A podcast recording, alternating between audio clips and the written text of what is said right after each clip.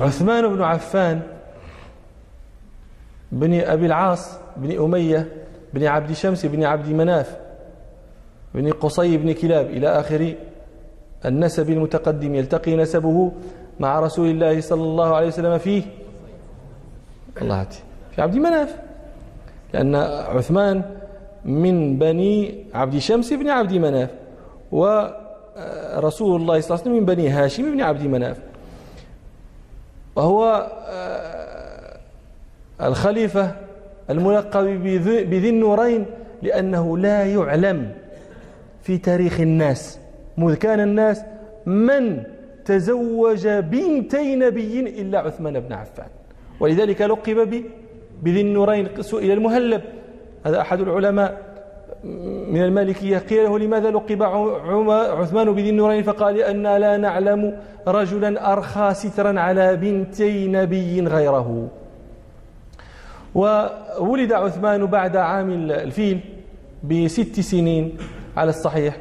ومناقبه رضي الله عنه كثيرة جدا وقد تقدم بعضها في آه، ترجمته التي كنا ذكرنا في وقوت الصلاة.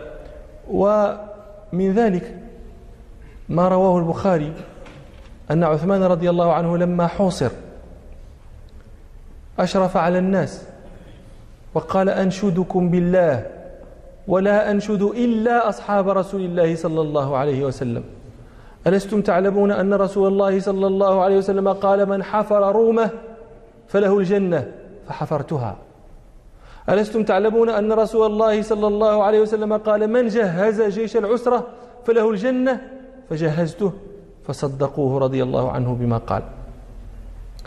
ومن آه، ذلك أيضا ما رواه البخاري عن ابن عمر رضي الله عنهما قال كنا في زمان رسول الله صلى الله عليه وسلم لا نقدم على أبي بكر أحدا لا نعدل بأبي بكر أحدا ثم عمر ثم عثمان ثم ندع أصحاب رسول الله صلى الله عليه وسلم ولا نفاضل بينهم.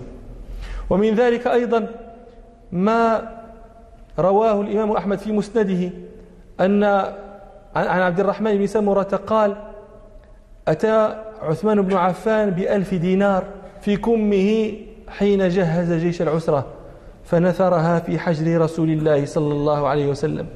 فجعل رسول الله صلى الله عليه وسلم يقلبها بيده ويقول ما ضر عثمان ما عمل بعد اليوم. العجيب أيها الناس أن هؤلاء كانوا يس... هذا الكلام قيل أمام عثمان. ما ضر عثمان ما عمل بعد اليوم؟ هذا يقال وعثمان يسمع. يعني اعمل ما شئت فلا يضرك ما عملت. قد استوجبت.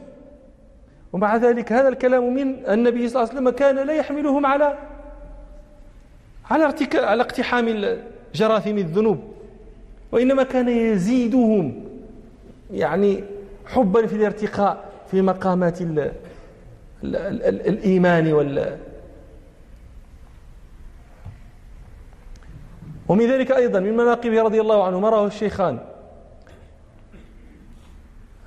عن أبي موسى الأشعري رضي الله عنه قال دخل النبي صلى الله عليه وسلم حائطا وأمرني بحفظ الباب فجاء رجل يستأذن فقال رسول الله صلى الله عليه وسلم أذن له وبشره بالجنة. فإذا أبو بكر. ثم جاء آخر يستأذن فقال رسول الله صلى الله عليه وسلم أذن له وبشره بالجنة. فإذا عمر الخطاب. ثم جاء آخر يستأذن فسكت هنية. يعني النبي صلى الله عليه وسلم سكت هنية. ثم قال إذن له وبشره بالجنة على بلوى تصيبه فإذا عثمان بن عفان. وكان رضي الله عنه يعلم أنه يموت أيضا مقتولا. فقد روى الإمام أحمد في مسنده عن عائشة رضي الله عنها أن رسول الله صلى الله عليه وسلم قال لعثمان إنه لعل الله يقمصك قميصا. فإذا أرادوك على خلعه فلا تخلعه لهم. ومن ذلك أيضا ما رواه الإمام أحمد عن ابن عمر رضي الله عنهما أن رسول الله صلى الله عليه وسلم ذكر فتنة فمر رجل مقنع فقال رسول الله صلى الله عليه وسلم يموت فيها هذا المقنع يقتل فيها هذا المقنع يومئذ مظلوما. فإذا عثمان بن عفان والحديث الذي حدثتكم به قبيل قليل أن النبي صلى الله عليه وسلم صعد أحدا وأبو بكر وعمر وعثمان فرجف بهم أحد فقال له النبي صلى الله عليه وسلم اثبت أحد فإنما عليك نبي وصديق وشهيدان. قتل رضي الله عنه مظلوما محصورا سنة خمس وثلاثين وهو ابن اثنتين وثمانين سنة أمام أهله أمام زوجته نائلة آه، نائلة بنت الفرافصة. وفي ذلك يقول حسان بن ثابت في مرثية يرثي فيها عثمان بن عفان يقول من سره الموت صرفا لا مزاج له فليأتي مأدبة في دار عثمان.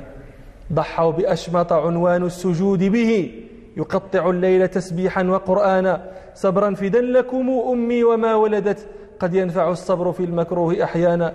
لتسمعن وشيكا في دياركم. الله أكبر يا ثارات عثمان. نعم.